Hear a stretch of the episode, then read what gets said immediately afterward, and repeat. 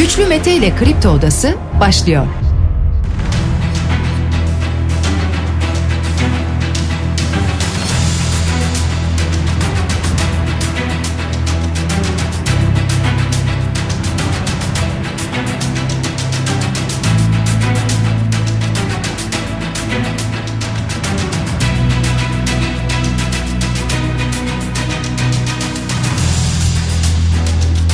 Şubat Cuma sabahından Kafa Radyo'dan Kripto Odası'ndan tüm Türkiye'ye yurt dışında bizi dinleyen dinleyicilerimize günaydın. Hepinize sağlıklı ve güzel bir gün dileyerek her sabah olduğu gibi programımıza başlıyoruz. Bugün de Kripto Odası'nda saat 10'a dek sizlerle birlikte olacağız. Gündemdeki başlıkları değerlendireceğiz. Sevgili dinleyiciler sizler de görüşlerinizle fikirlerinizle programa katılabilirsiniz. Mesajlarınızı gönderebilirsiniz. Twitter üzerinden güçlü mete yazarak bana ulaşabilirsiniz. WhatsApp hattımızın numarası 0532 172 52 32. Türkiye'den büyük elçilere uyarı var. Konsolosluklarını kapatan büyük elçiliklere uyarı ve aynı zamanda tepki var. Bu tepkilere bakacağız önümüzdeki dakikalarda. Meclis Başkanı Mustafa Şentop, Cumhurbaşkanı Erdoğan'ın birinci dönemi olduğunu ve ikinci kez aday olabileceğini ifade etti yapmış olduğu açıklamayla. EYT düzenlemesi emeklilikte yaşa takılanlarla ilgili düzenleme komisyondan geçti. Salı günü Türkiye Büyük Millet Meclisi'ne genel kurula gelecek yani genel kurulda görüşme yapılacak. Milli Eğitim Bakanlığı okullardaki gizli zammı takibe aldı son dönemde velilerin de en çok şikayetiydi bu konu hatırlayacak olursanız. Sinan Ateş suikastinde tutuklanan bir avukat var. Telefonunun şifresi istendi. Hafıza kaybı yaşadığını söyledi. Dolayısıyla şifreyi hatırlamadığını ifade etti. Anayasa Mahkemesi'nde başkanlık seçimi vardı sevgili dinleyiciler ve başkan yeniden Zühtü Aslan oldu. Bu ne manaya geliyor buna ilişkin yorumlar da var bunlara da bakarız önümüzdeki dakikalar içerisinde. Bir defa dış haber çok onu söyleyelim. Ee, Türkiye tepki gösterdi Norveç Kur'an yakma eylemini iptal etti. Finlandiya Başbakanından İsveç'le ilgili NATO ile ilgili bir mesaj var. Amerika'da 27 senatörden Joe Biden'a Türkiye'ye ilişkin bir mektup var. Bu mektup bir tehdit de içeriyor. Üstelik Türkiye ile ilgili bunlardan da bahsedeceğiz. Avrupa Birliği'nden bir göç sorunu ve göç çıkışı var ki en önemli sorunun Türkiye Bulgaristan sınırı olduğu ifade ediliyor. Ege'de bir tehlikeli kışkırtma gerçekleşti ki geçen ayın olayıyken Yunan sosyal medyasında gündeme gelince Türkiye'nin de gündemine geldi. Bundan da bahsedeceğiz bunlara da bakacağız. İstanbul'da havalimanında gözaltına alındı Metin Uca, Barbaros Şansal daha sonra serbest bırakıldılar. Neden? İfadeleri eksik diye. Ama bunun da detaylarına bakacağız sevgili dinleyiciler. Sağlık Bakanı Fahrettin Koca'dan strep A uyarısı var. Özellikle çocuklarınızda ateş, boğaz ağrısı varsa, ateş düşürücüye rağmen düşmüyorsa normalden az besleniyorsa, nefes almakta zorlanıyorsa hemen 112'yi arayın ya da acil servise başvurun diye uyarıyor. Biz de hatırlatmış olalım sevgili dinleyiciler. Meteorolojiden kar uyarısı var onu da hatırlatalım. Hafta sonu İstanbul'a kar var mı yok mu buna da bakarız önümüzdeki dakikalar içerisinde. Biz hemen bir spor başlığı altında futbol karşılaşmalarına bakalım. Dün Adana Demirspor Fenerbahçe maçı vardı. 1-1 sona erdi. Maçtan sonra çokça hakem tartışmaları halen devam ediyor. Bugünün programı yok. Yarın başlıyor maçlar onu hatırlatalım. Yarın akşam itibariyle Beşiktaş'ın maçı vardı yarın. Evet Beşiktaş saat 16'da Sivas Spor'la karşılaşacak deplasmanda. Pazar günü önemli bir karşılaşma var. Galatasaray Trabzonspor maçı saat 19'da pazar günü oynanacak ve Fenerbahçe maçını Konya Spor'la pazartesi akşamı oynayacak sevgili dinleyiciler. Hemen bir de hatırlatalım Euroleague'de bu akşam Fenerbahçe'nin karşılaşması var. Berlin'le saat 20.45'te oynayacak Fenerbahçe. Anadolu Efes'te yarın saat 22'de Lider Olympiakos'a deplasmana gidiyor. Orada karşılaşacak her iki takımımıza başarılar dileklerimizi iletiyoruz. Döviz tablosuna bakıyoruz. Dolar hani o 18.80'e çakılıydı ya. Şu anda 18.81.47 dolar. Euro 20 lira 50 kuruş. O bir ara 20-73'lere falan gitmişti hatırlayacak olursanız. Şu anda 20,5 lira euro. Gram altın 1158 lira. Çeyrek altının karşılığı 1863 lira. Serbest piyasada 1900 liradan aşağı bir iki bulmak zor olabilir. Ee, Borsa İstanbul'a baktığımızda dün çok az bir yeşile döndü tablo ama BIST endeksi 4752 puanda. Dolayısıyla bugüne böyle başlayacak. Bir de hemen Bitcoin'e bakıyoruz. Bitcoin 23.527 dolar karşılığında işlem görüyor sevgili dinleyiciler. Biz şimdi 3 Şubat tarihindeyiz. Yarın 4 Şubat. 4 Şubat dünyada kanser günü olarak biliniyor. Biz de buna ilişkin bir farkındalık yaratmak adına programın ilerleyen dakikalarında konuğumuz Profesör Doktor Özlem Sönmez'le bir yayın gerçekleştireceğiz. Hatırlatalım sevgili dinleyiciler ve hemen gündemdeki başlıkları biraz detaylandırmaya başlıyoruz. Şimdi biliyorsunuz e, geçtiğimiz günlerde sıklıkla konuştuk bunu son birkaç gün içerisinde. Bazı ülkeler başta Amerika olmak üzere önce Amerika'dan gelen bir haber vardı. Daha sonra Fransa, Almanya falan derken birçok ülke buna ilave oldu. Kendi vatandaşlarını uyarmaya başladılar. Hollanda dahil oldu, İsviçre, İsveç, İngiltere, Belçika, İtalya, Hatta Kanada biliyorsunuz kendi vatandaşlarını uyardı. Ama diğer bu saydığım ülkeler konsolosluklarını da Türkiye'de kapatma kararı aldı. Kimi bir gün, kimi üç gün, kimi süresiz bir şekilde konsolosluklarını kapattı. Ve uzaktan aynı zamanda kendileri iletişim e, sağlayacaklarını bu şekilde destek olacaklarını ifade etmişlerdi bundan sonraki çalışmaları için. Tüm bunlarla beraber hemen öncesinde dün sabah saatlerinde İçişleri Bakanı Süleyman Soylu'dan bir açıklama gelmişti. Türkiye'ye bir psikolojik harp yürütülmektedir dedi. Ki özellikle Türkiye'nin tam da e, turizm gelirlerini açıkladığı, yeni bir turizm hedefi koyduğu dönem içerisinde bunun gelmesinin manidar olduğunu, Türkiye'ye karşı bir operasyon yürütüldüğünü, hatta kendi ifadesiyle operasyon çekildiğini söyledi. Ee, daha sonrasında gelen yine açıklamalar vardı. Ömer Çelik'ten AK Parti'den Türkiye'yi yıpratmaya dönük açıklamaları reddediyoruz şeklinde gelen bir açıklama vardı. Ki bu saydığımız 9 ülkenin yani konsolosluklarını kapatan ülkelerin büyükelçilik temsilcileri Dışişleri Bakanlığı'na çağrıldılar ki orada sağduyulu bir yaklaşım teşkil etmiyor yaptıklarınız denildi ancak terör örgütlerinin sinsi gündemlerine hizmet ettiğinin vurgulandığı belirtilmiş. Peki bu belirtildi. Bundan sonra ne olacak onu göreceğiz. Yani bu bakanlığa çağrılan büyükelçiler, temsilciler e, bu uyarıyı aldılar. Bu uyarıyı aldılar da mesela konsolosluğunu halen daha kapalı tutan büyükelçilikler bugünden itibaren açmaya başlıyorlar mı? Yani bunların üst üste haberleri gelmedi henüz. Açıyoruz, başladık biz de görev başındayız gibi haberler gelmedi. Bazıları zaten bir gün üç gün kapattıklarını duyurmuşlardı. Onlar muhtemelen bu sürecin sonunda zaten açıyorlar açmışlardır.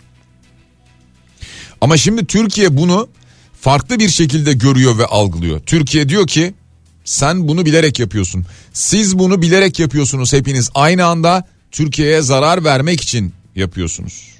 Türkiye'ye turist gelmesin diye yapıyorsunuz.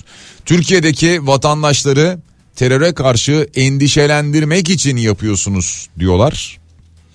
E, ve aynı zamanda dün İçişleri Bakanı Süleyman Soylu çok detaylı bir açıklama yaparak dedi ki burada işte bir istihbarat elemanı var bir ülkenin.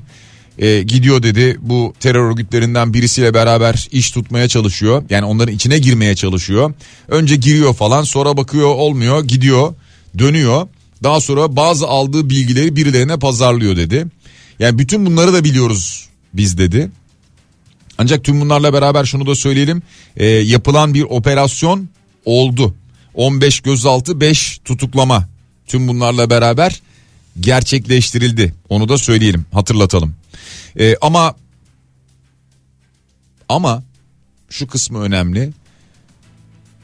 Gerçekten böyle bir istihbari bilgi yoksa yani umarız yoktur ve gerçek değildir.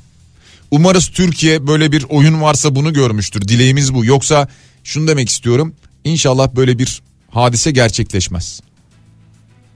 Yani bu ülkelerin istihbaratları sonucu gelen bilgilere dayalı olan Türkiye'de işte yabancı misyonlara veya işte yabancıların yoğunlukla gittiği yerlere hatta ve hatta ibadet alanlarına umarım e, bir saldırı vesaire falan gibi bir şey gerçekleşmez. Zaten tüm bunlardan sonra Türkiye'nin herhalde istihbarat birimleri zaten çalışıyordur da e, bu konu üzerine daha da fazla gidiyordur diye tahmin ediyorum. Umarız böyle olaylarla karşılaşmayız. En büyük dileğimiz bu bir yandan. Şimdi bir yandan bununla mücadele ederken bu olay nereden kaynaklanıyor? İsveç'te bu Kur'an-ı Kerim'i yakma hadisesinden kaynaklanıyor. Yani kabul edilecek bir şey değil tabii ki ama netice itibariyle Türkiye'de acaba buna karşı bir misilleme yabancılara yapılır mı? Çeşitli terör örgütleri tarafından. En çok konuşulan konu bu. Şimdi tüm bunlarla beraber hani biz bunları anlayamıyoruz ya tüm bunlarla beraber Norveç'te bir Kur'an yakma eylemi gerçekleştirmek istediler. Norveç bu eyleme izin verdi. Bu izin üzerine hemen Norveç'in Ankara Büyükelçisi Dışişleri Bakanlığı'na çağrılıyor. Ve Dışişleri Bakanı Mevlüt Çavuşoğlu daha sonra bir açıklama yapıyor. Diyor ki Norveç'in bu provokatif eyleme verdiği izni iptal ettiğini söylüyor. Daha sonra Norveç'ten Oslo Emniyetinden gelen bir açıklama oldu. Bu eylemin yasaklanacağını açıkladı Oslo Emniyeti. Şimdi tabii bizim e, bize çok ters gelen, bizim algılayamadığımız bir takım olaylar bunlar. E, o ülkelerde işte bakın emniyetle mesela görüşüp izin alıp kontrollü bir şekilde bu eylemi gerçekleştirebiliyor. Ama yani bu eylemi gerçekleştirmesinin altında yatan amaç ne? Yani bir e, dine inanan insanların ama e, yani İslamiyet olabilir e, başka bir din olabilir neyse kutsal kitaplarını yakmak insanları kışkırtmak provoke etmek. Ya bunun ardında arkasında ne aranıyor? Bir ikincisi yani orada izin veriliyor işte ne bileyim o ülkelerin yasaları var demek ki. O ülkelerde böyle şeylere izin veriliyor. Emniyet gidiyor biliyorsunuz. İsveç'te gördük. E, çevresini e, işte e, bir barikatla engelliyor ve o eylemin orada yapılmasına müsaade ediyor. Şimdi Norveç de önce buna izin vermiş sonra işte Türkiye ile görüştükten sonra vazgeçtiğini duyurdu Norveç. E, hatırlarsanız Finlandiya'dan da bir açıklama gelmişti. Finlandiya'da dedi ki bizim ülkemizde biz e, herhangi bir şekilde Kur'an-ı Kerim'in yakılmasına ya da yırtılmasına izin vermeyiz böyle bir eyleme diyordu. Finlandiya'dan böyle bir açıklama gelmişti. Tüm bunlarla beraber Türkiye Finlandiya'ya biraz daha sıcak bakıyordu biliyorsunuz. Hatta Cumhurbaşkanı Erdoğan ne dedi? Biz de gerekirse e, Finlandiya ile ilgili öyle bir karar alırız ki İsveç şok olur dedi. E, yani işte Finlandiya'nın NATO üyeliğine biz onay veririz. İsveç'e vermeyiz. İsveç şok olur demişti. Daha sonra Finlandiya'dan e, Dışişleri Bakanlığı'ndan gelen bir açıklama vardı. Biz aynı anda İsveç'le beraber girmek isteriz NATO'ya şeklinde. Ve son olarak Finlandiya Başbakanı Sanna Marin'den bir açıklama geldi. NATO'nun güvenliği söz konusu olduğu için ittifaka üyeliğimizin onaylanması gerekiyor. İsveç'in problemli çocuk gibi göründüğü bir ortamdan haz etmiyorum. İsveç'le aynı anda NATO'ya katılmaya kararlıyız dedi.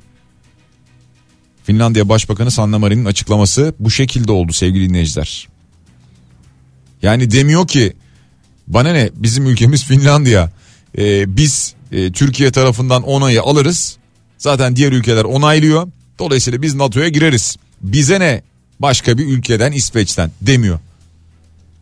Diyor ki niye İsveç'i problemli çocuk gibi görüyorsunuz? Biz İsveç'le beraber girmek istiyoruz NATO'ya diyor.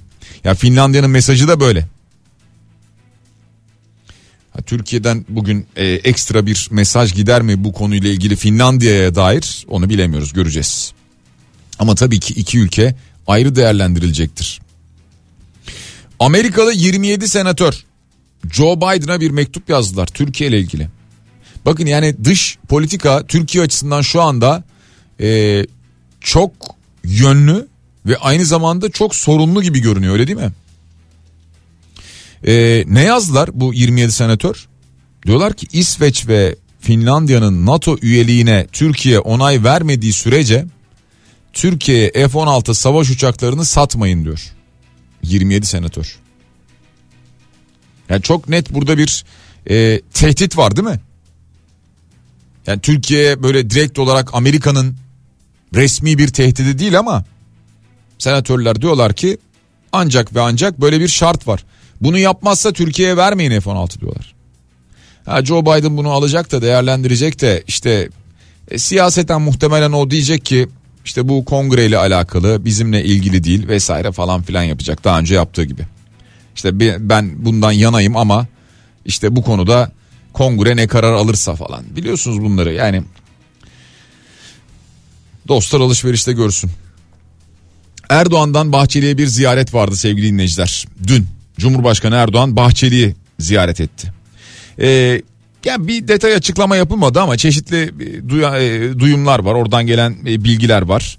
Bundan sonra tabii ki seçim sürecinin konuşulduğu ifade edildi. Yasal düzenlemelerin olduğu söylendi.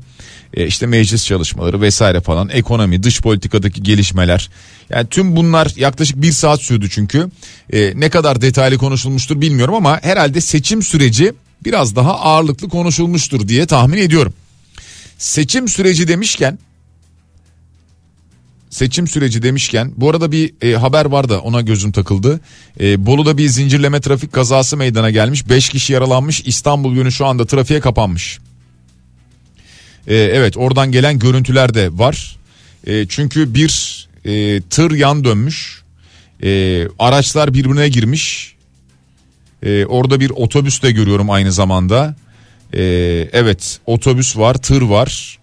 E, bir ters dönmüş yani yola ters yöne doğru dönmüş olan bir araç var. 5 ee, kişinin yaralandığı bilgisi var. Umarız e, ağır değildir yaraları dileğimiz bu yönde tabi ama e, şunu söyleyelim ki Bolu'daki bu zincirleme trafik kazası sebebiyle İstanbul yönü şu anda trafiğe kapalı duruyor. Gelen görüntülerden çok net bir şekilde görünüyor. Ha devam ediyoruz. Nerede kalmıştık? Seçimle ilgili konuşuyorduk. Cumhurbaşkanı Erdoğan acaba ikinci kez mi aday olacak? Üçüncü kez mi aday olacak? Yani e, şimdi önceki dönemde yani Cumhurbaşkanlığı hükümet sisteminden önceki dönemde katıldığında üçüncü. Ha katılmazsa ikinci. Şimdi tartışma zaten burada başlıyor. Yani önceki dönem sayılıyor mu sayılmıyor mu? Yani üçüncü kez mi aday oluyor ikinci kez mi aday oluyor?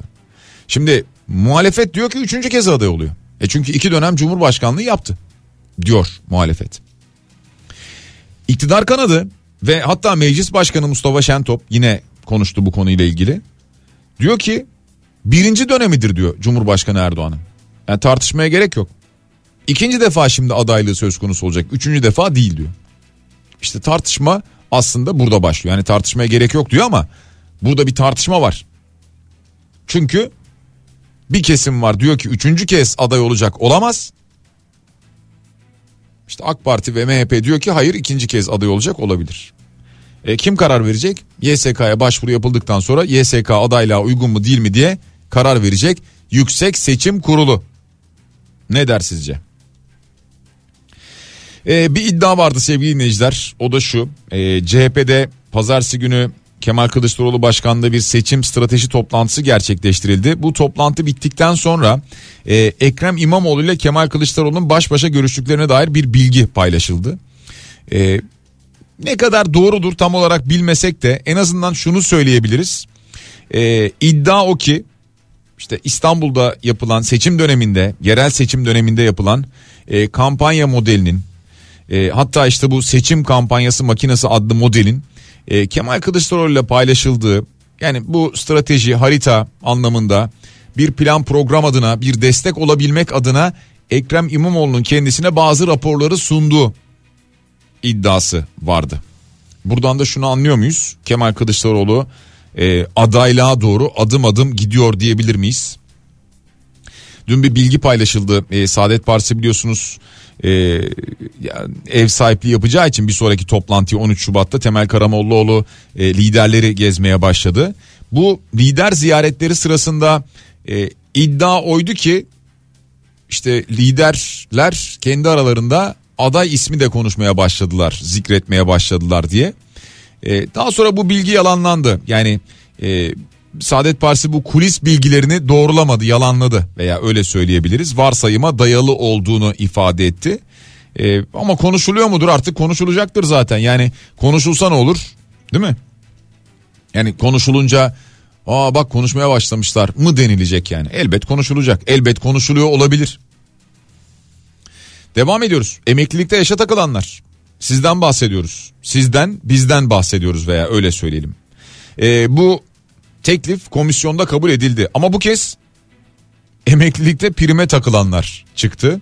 Ki muhalefetin böyle bir eleştirisi var. Dediler ki bu kez de emeklilikte prime takılanlar yaratılıyor. Yani EYT'den sonra EPT'liler yaratılıyor denildi. Meclis Plan ve Bütçe Komisyonu'nda kademeli prim sistemiyle yine de buna rağmen kabul edildi.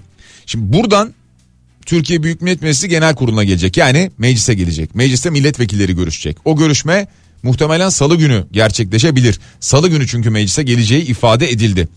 Ee, salı günü bu görüşme yapıldıktan sonra işte o zaman e, artık onaylanırsa bu şekliyle bu şekliyle geçmiş olacak.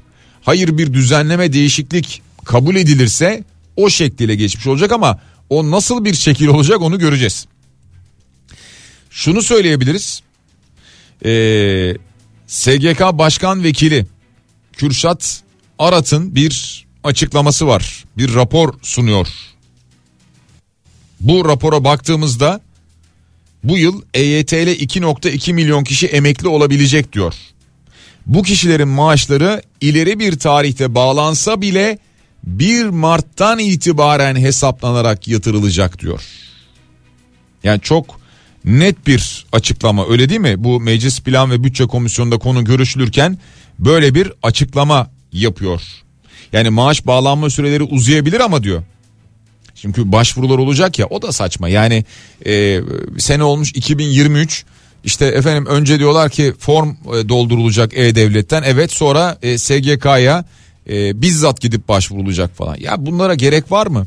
Yani o formu doldurursunuz.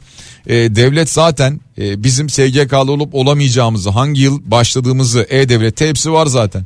Bunların hepsini biliyor. Formu doldurursun. Gidip fiziken başvurmana bile gerek yok yani. O maaşta sana 1 Mart itibariyle veya kaçında yatacaksa yatmaya başlar. Ama burada şunu anlıyoruz. Ee, geç de olsa diyor. Mesela Mart'ta değil işte Nisan'da Mayıs'ta ancak başvurabildiğiniz sıra geldi. Ee, 1 Mart'tan itibaren ödemenizi alacaksınız diyor. Cumhurbaşkanı Erdoğan Şubat'ta bile olabilir demişti. Bu ay içinde bile olabilir demişti ama demek ki öyle olmayacak. Yani oradan e, buradan gelen açıklamadan SGK'dan gelen açıklamadan bunu çıkarıyoruz çünkü. Ve devam ediyoruz. Gündemimiz bir hayli yoğun demiştik sevgili dinleyiciler. Milli Eğitim Bakanlığı özel okullardaki bu gizli zammı takibe almaya başladı. Yani gizli zamdan kasıt ne? Eğitim e, ücretlerinin dışında biliyorsunuz deniyor ki işte yemek ücretleri, e, genel giderler, sosyal etkinlikler vesaire falan filan neyse. E, bu şikayetler üzerine Milli Eğitim Bakanlığı bu gizli zammı takibe almış ama ama yani e, buradan ne çıkar onu bilmiyorum. E, çünkü mesela özel okula gittiğinizde özel okulda diyor ki ben devam edemiyorum ki bu şekilde hayatıma. Yani benim ödediğim işte maaşlar var, işte temizlik, e, elektrik, o bu vesaire falan tüm bu masraflar, yemeğin maliyeti arttı. E, ne bileyim servis maliyeti artıyor. Birçok şey var yani. Ki hepimiz bunu hayatta yaşıyoruz. Biz de aynısını yaşıyoruz diyor özel okul. Ha burada şunu araştırmakta fayda var bence. Bu durumdan istifade eden varsa onu ortaya çıkarmak lazım. Yani istifadeden kastım şu. E, yapsam mı geç yapsam mı geç biraz daha yapsam mı hiç değilse bu e, ekonomik koşulların arkasına sığınırım ben karımı arttırırım diyen varsa tamam fahiş bir artış yapan varsa tamam yani bunların ortaya çıkarılması lazım. Ama gerçekten de yani gideri ni karşılayamayacak bir gelir durumu varsa ve gerçekten de aldığı zammı, aldığı paraları çalışanlarına, kuruma, öğretmenine veriyorsa bu ayrı konu. Ama bir de hani öğretmenler de şikayetçi çünkü bazı özel okullarda çalışan öğretmenler de şikayetçi diyorlar ki hani bu kadar e, zam falan yapılıyor fiyatları artıyor ama bizim maaşımıza aynı oranda zam yapmıyorlar diye öğretmenlerin de şikayeti var. İşte şimdi e, bu ceza sistemi vesaire falan filan bunlardan bahsediliyor. E, belki uygulanabilir deniyor. Göreceğiz ne olacağını. İstanbul'da Ocak ayının zam şampiyonu yeşil soğan olmuş. Ocak ayında fiyatı en çok artan ürün %54.48'de yeşil soğan. Nasıl? Yani yeşil soğan demek ki e, yeterli gelmedi. Öyle anlıyoruz ki e, böyle bir fiyat artışı olmuş yeşil soğanda. Yeteri kadar mı üretilemedi, yeteri kadar ulaşmadı mı onu bilmiyoruz. Neyse biz geçelim başka bir konuya. Ee, Ege'de, Ege Denizi'nde 5 Ocak tarihinde Yunan botlarından Türk askerine havaya doğru ateş açıldı. Bunu da Yunanistan'da birdenbire gündem yaptılar. Yani üzerinden bir ay geçmiş. Yunanistan'da özellikle herhalde bunu sızdırdılar ve sosyal medyada bu gündem oldu. Yani işte Yunan botlarından işte Yunan askeri e, sahil güvenliği e, Türk sahil güvenliğine ateş açtı şeklinde. Yani kendi içlerinde böyle işte bak gördün mü biz kuvvetliyiz güçlüyüz oyuz buyuz falan filan propagandası. Fakat o görüntülerin tamamını izlediniz mi bilmiyorum. O görüntülerin tamamında sahil güvenlik güçlerimiz Yunan botunu kovalıyor. Yunan botundan evet havaya ateş açıyorlar önce sonra duruyorlar vazgeçiyorlar. Sonra silahlarını ellerindeki o tüfekleri Türk sahil güvenlik botuna doğru çeviriyorlar. Tüm bunlara rağmen sahil güvenlik güçleri devam ediyor kovalamaya. Süratli bir şekilde oradan uzaklaştırıyor. Uzunca bir video aslında yani sadece o bölümü değil tamamını izlerseniz göreceksiniz. Süratli bir şekilde peşlerinden takip ediyorlar ve Yunan botlarını oradan Yunan botunu oradan uzaklaştırıyorlar. Yani e, işte böyle bir görüntünün kısa bir bölümünü verip kendi işlerinde böyle bir e, propaganda yapmaya çalıştılar ama olmadı. E, Türkiye e, net bir şekilde zaten açıklamasını da yaptı. Daha önce e, buna karşılık da verildi dedi. Sinan Ateş suikastı ile ilgili biliyorsunuz e, dün Meral Akşener Sinan Ateş'in ailesini ziyaret etti ve taziye ziyaretine bulundu ve olayın takipçisi olacağım dedi. E, bu suikastla ilgili tutuklanan avukat Serdar Öktem. Kendisine telefonunun şifresi soruluyor. Diyor ki ben koronavirüs geçirdim hafıza kaybı yaşadım. Telefonun şifresini hatırlamıyorum diyor.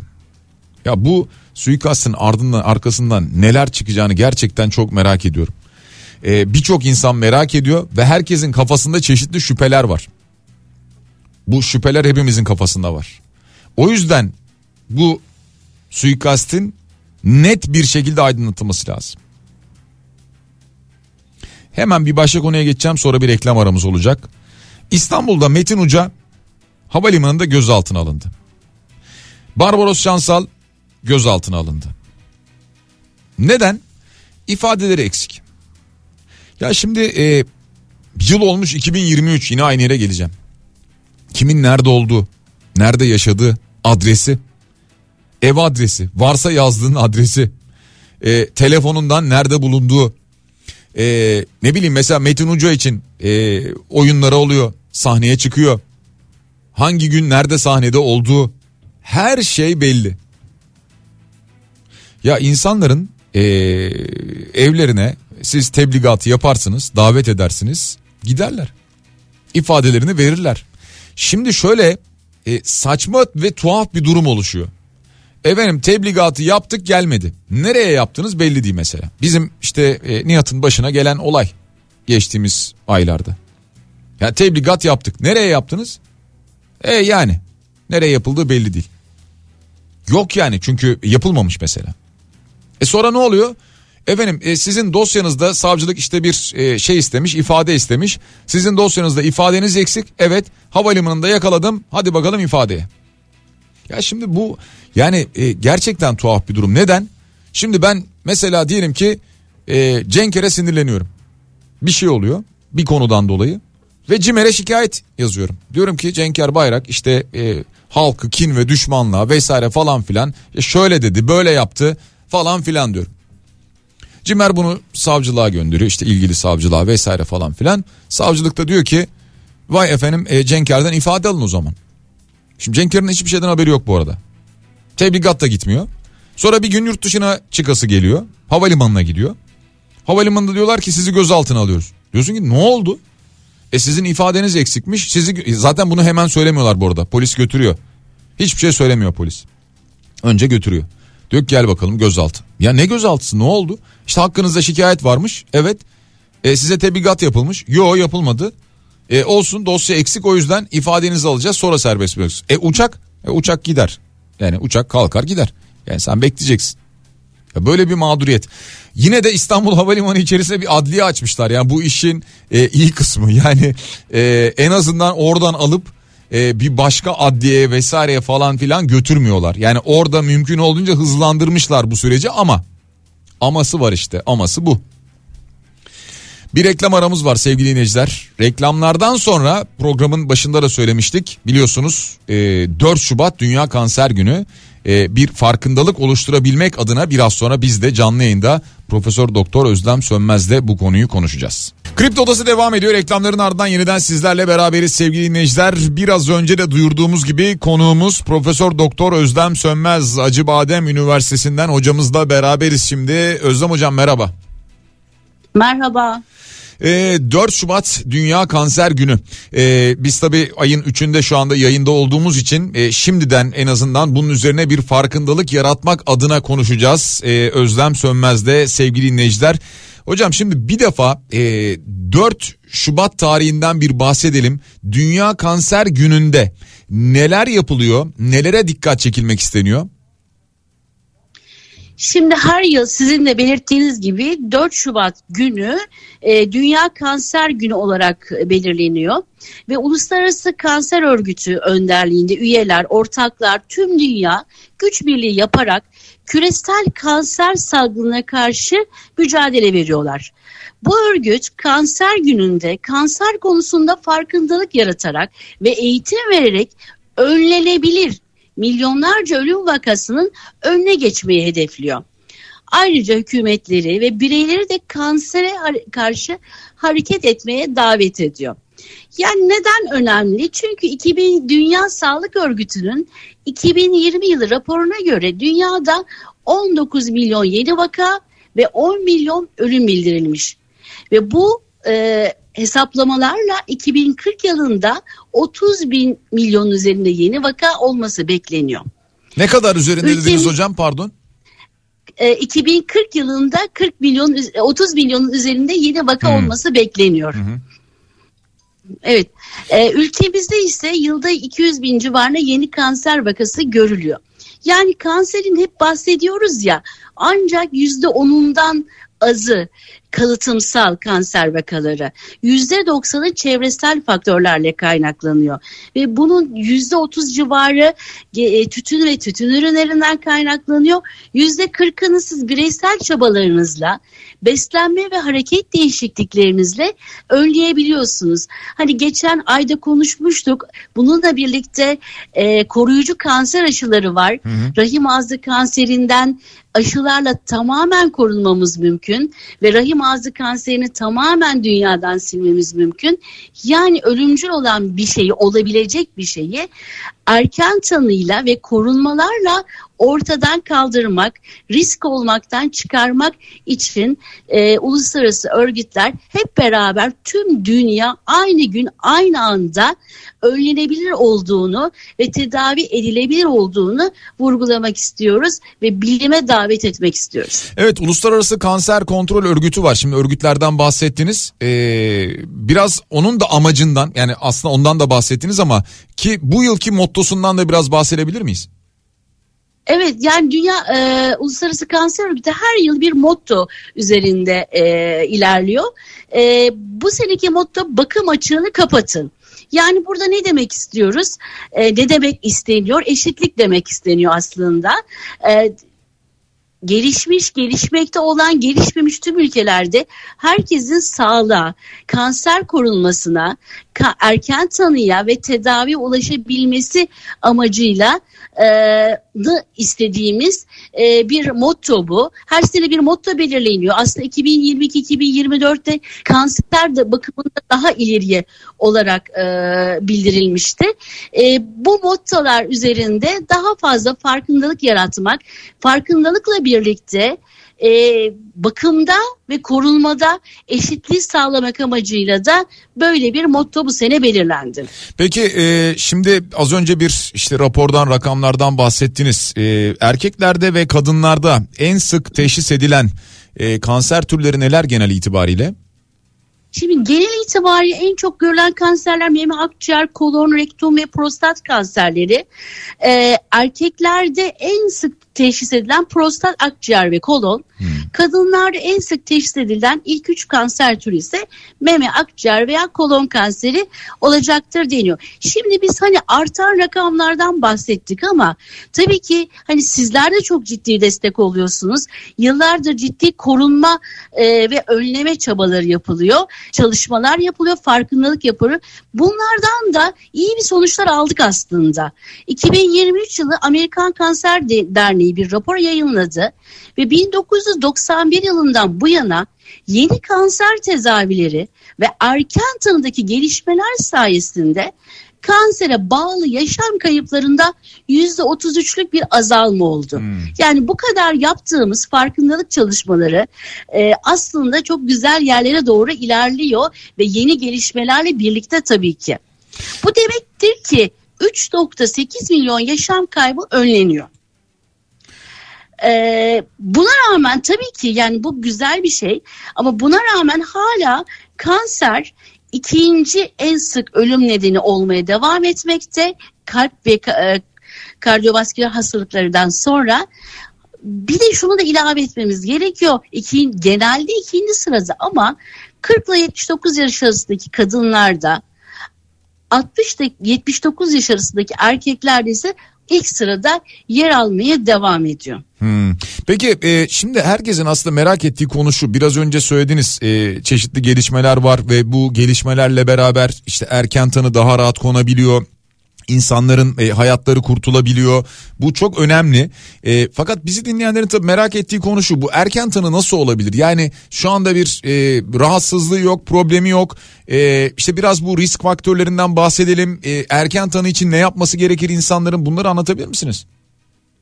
Tabii ki.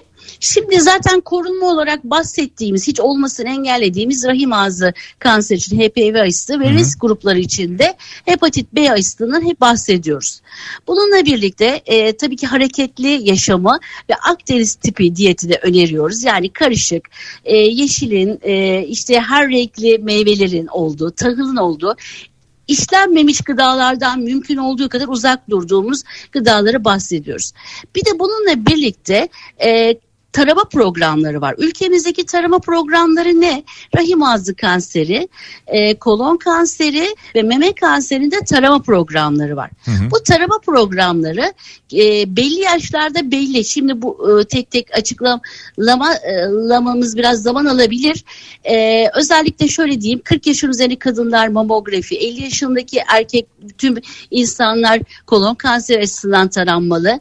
Ee, bununla birlikte rahim ağzı kanseri için cinsel aktif yaştan e, itibaren kadınlar taranmalı. Bunun için de ayrıca ülkemize nereye gitmeleri gerekiyor hastalarımızın ya da herkesin sağlıklı olduğunu düşündüğümüz kişilerin de kanser erken tanı eğitim merkezleri, KETEM'ler var. Hı hı, Ya da aile sağlığı merkezleri e, ülkemizin her tarafında var ve hizmet vermekte erken tarama için. Henüz tarama programında olmayan akciğer kanseri içinde e, 50 yaşın üzerinde 30 paket yıl sigara içmiş olan kişilerin de yine bunun için kendilerine göz hastalıklı uzmanına başvurup bu konuda bir tarama programı hakkında bilgi almaları gerekiyor. Hocam bu 30 paket yılı bir açıklar mısınız tekrar çünkü hep, 30... hep, hep hep hep konuşulan konulardan bir tanesi bu. evet. 30 paket yıl demek e, siz günde bir paket sigara içiyorsanız ve 30 yıl boyunca içiyorsanız buna 30 paket yıl diyoruz. Hmm. Ter, yani başka bir şekilde de ifade edebiliriz. Günde iki paket sigarayı 15 yıldır içiyorsunuz yine 30 paket yıl hmm. Ya da e, yarım paket sigarayı e, daha fazla zaman 60 yılda içiyorsunuz. içiyorsunuz. Evet. Evet o da yine 30 paket yılı. Yani günde içilen sigara paketiyle yılın Ama şunu çarpımı- söyleyelim mi? Ee, yani Tabii. bu bir günde bir paket e, içildiğinde 30 paket yıl tamam işte buradan sonra başvurun ama e, günde ben işte bir yarım paket içiyorum. E, işte ne bileyim 3 dal 5 dal içiyorum falan. E, 30 yılda baktığımda demek ki o sınırda değilim devam edeyim demek anlamına Yok. gelmiyor herhalde. Tabii ki anlama gelmiyor. Yani siz sigarayı bıraktıktan yaklaşık 20 yıl sonra e, tamamen normal kişiler e, düzeyinde bir kanserden Hmm. korunmuş olacaksınız. Dolay- dolayısıyla her içilen sigaranın e, ya da tütün ve tütün ürününün hep yayınlarımızda da beraber bahsediyoruz. E, işte e, mentollü sigaralar, elektronik sigaralar, e, prolar, pipolar ya da işte e, nargileler bu kapsam dışında değil. Tabii. Bunların hepsi yine risk oluşturuyor. Masum değil. Zaten dünyadaki 27 yüzde 27 kanser nedeni net bir şekilde tütün ve tü- tütün ürünü. Hatta akciğer kanserinin bir alt tipi var. Küçük hücreli akciğer kanseri. Bize şey derdi hocalarımız. Yani bu akciğer kanseri küçük hücreli çıkıyorsa kişinin sigara içip içmediğini mutlaka sorgulayın. Hmm. İçmiyorsa hani değildir. Ama şöyle bir şey de var. Pasif içicilik. Siz içmiyorsunuzdur ama eşiniz yanınızda bir paket sigara içiyordur. Burada yatay olan sigara dumanlarıyla beraber siz daha fazla riske maruz kalıyorsunuz. Hmm. Yatay dumanlarda kanser gelişmesine neden oluyor. Bununla birlikte çok kısa olası risk faktörlerin e, belirtilerden de bahsedelim. Ama bunu baştan söylemek istiyorum. Bu belirtiler hemen korkutmasın. Mutlaka kanser anlamına gelmez ama varsa doktora başvurup bunu bir e, değerlendirmek Evet. gerekiyor. Mesela genellikle ağrısız olan e, şişlikler, kitleler, uzun süre kalıcı öksürük, nefes darlığı, yutma güçlüğü, bağırsak alışkanlıkları değişiklik, bir ishal, bir kabız, uzun süre değişiklikler ve kan olması, idrar sık idrar çıkma ya da idrar isteği olmasına rağmen yapamama, e, vajandan ya da anüsten beklenmedik kan gelmesi, açıklanamayan kilo kaybı, tükenmişlik, yorgunluk, ben çıkması olmayan bir yerde ya da var olan benin boyutlarının renginin değişmesi, kanamalı olması, e, açıklanamayan uzun süren baş ağrıları, uzun süre açlık hissinin olmaması, iyileşmeyen yaralar, e, ağır e, sırılsıklam gece terlemeleri, memedeki boyut değişiklikleri, beklenmedik renk değişiklikleri, ağrı ya da meme başına akıntı gibi şikayetler bunlar genel olası tekrar vurguluyorum olası e, belirtilerdir. Bu belirtilerle panik olmadan, korkmadan hekimize başvurup e, bunu bir değerlendirmekte fayda var. E, hocam son olarak çok kısa bir vaktimiz kaldı. Bir dakika içerisinde toparlayabilir miyiz bilmiyorum ama e, bir tedavi yöntemleri iki Türkiye'de bu tedavilere ulaşmak kolay mı? E, aslında arada bir bağlantı koptu ama ben e, Bir tekrar, tedavi e, yöntemleri, bir tedavi Evet. yöntemleri, bir de e, bu tedaviye Türkiye'de ulaşmak kolay mı? Son bir dakika içerisindeyiz. Tamam. Tedavi yöntemlerimiz çok hızla gelişiyor e, ve çoğunluğu Türkiye'ye gelebiliyor ve e, gerçekten de akıllı ilaç, hedefe yönelik ilaç dediğimiz ilaçların pek çoğu devlet SGK geri ödeme kapsamında. Eğer ilacın FDA onayı dediğimiz e, onayı varsa FDA, EMA gibi Amerika, Avrupa'ya e, örgüt, sağlık örgütlerinin onayı varsa özel sağlık sigortaları ya da banka sigortalarıyla da karşılayabiliyoruz. Ve şunu hemen bahsetmek istiyorum. Artık ülkemizde çok yaygın bir şekilde klinik çalışmalar yapılmaktadır. Klinik çalışmalar lütfen kendinizi denek olarak hissetmeyin. Eğer hekiminiz klinik çalışma için uygun olduğunuzu söylüyorsa mutlaka bunu değerlendirin. Çünkü klinik çalışmalar aslında ilk sıra tedavilere doğru ilerlemekte ve ulaşamayacağınız belki de parayla alamayacağınız tedavileri alabilir hale gelmektesiniz. Tedaviler çok hızlı değişiyor. Gün geçmiyor ki yeni bir e, tedavi e, bizim e, pratiğimize eklenmesin. O yüzden bunları geri ödemine kapsamını almak da tabii ki zaman alıyor. Ama bizler e, tıbbi onkoloji hekimleri olarak e, bilimi çok yakından takip ediyoruz. Gelişmeleri çok yakından takip ediyoruz. Lütfen hekimlerinize güvenin.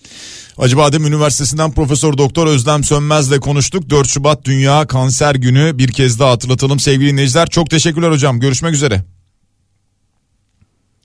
Evet orada da bağlantımız gitti galiba. Biz devam edelim. Yayınımızı yavaş yavaş noktalayacağız. Şimdi e, kanser üzerine konuştuk tabii hoş bir konu değil e, biliyorum. E, ama tüm bunlarla beraber veda ederken en azından e, güzel bir e, şekilde veda edelim istiyorum. Erol Evgin'le veda edeceğiz. Şimdi Erol Evgin Sevdiklerim 2 albümünü çıkarttı sevgili dinleyiciler. Farkındaysanız e, Kar şarkısı bir süredir çalınıyor, duyuyorsunuz, dinliyorsunuz ama bu albüm içerisinde ikinci bahar var mesela sen benim şarkılarımsın, aldırma gönül, e, kum gibi var mesela yiğidim aslanım var benzer şekilde 14 tane şarkı var bu albüm içerisinde. Ama müziği Erol Evgin'e, sözü Murat Balkuş'a ait olan Kar şarkısı ki sözleriyle beraber çok da dikkat çeken bu şarkıyla sizlere veda edeceğiz ki Erol Evgin yine muhteşem okumuş. Bununla veda ediyoruz sizlere sevgili dinleyiciler. Cenkere Teknik Masar'a teşekkür ediyoruz. Biraz sonra Bediye Ceylan güzelce sizlerle birlikte olacak. Pazartesi sabahı yeniden buluşana dek hepinize sağlıklı ve güzel bir gün diliyorum. Hafta sonu diliyorum. Şimdilik hoşçakalın. Eskiden kar yağardı adam boyu sendin, kar bendim Kar senledin, kar bizdik Henüz daha ayrılmamıştık Eskiden kar yağardı adam boyu Kar senledin, kar benledim Kar senledin, kar bizdik henüz daha bölünmemişti Aynı mahalledeydik Henüz ayrılmamıştık. Bir arada birlikte Sımsıcacık yaşardık Zengini yoksulu esnafı bir arada birlikteydik Zengini yoksulu esnafı bir arada birlikteydik